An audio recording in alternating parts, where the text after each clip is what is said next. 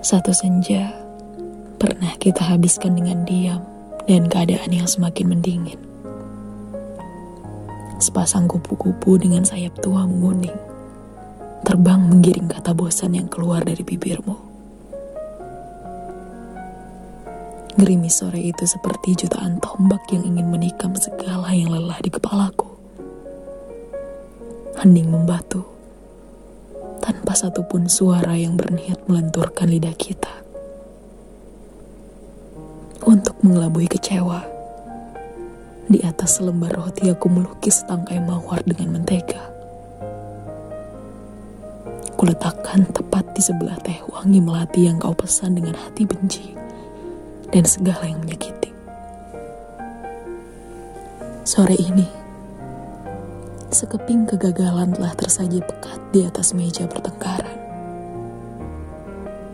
dimasak di sebuah dapur yang menyeruakan wangi bunga-bunga setelah kau mengenal dia. Petir di luar menyerupai suara tawa mereka yang di depannya dulu. Aku pernah membanggakanmu. Sepertinya kita butuh senja lain untuk mengumpulkan percakapan.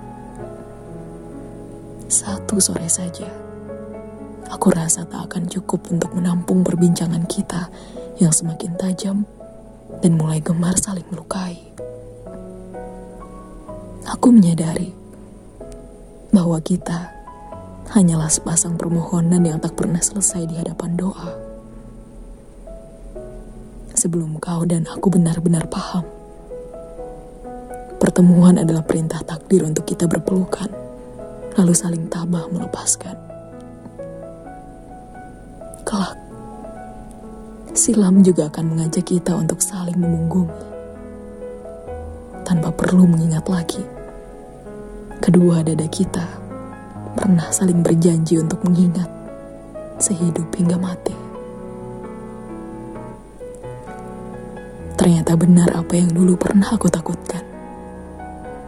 Terutama perihal mencintai. Melepaskan memang butuh rasa sakit yang lebih. Semoga tulisan ini tak hanya berupa angin yang membawa kabut senyummu menuju bening laut air mataku. Berbahagialah, rebahkan kekagumanmu di dadanya. Jangan lupa satu hal, datanglah kembali ke sini jika kau butuh sesuatu yang bisa kau lukai.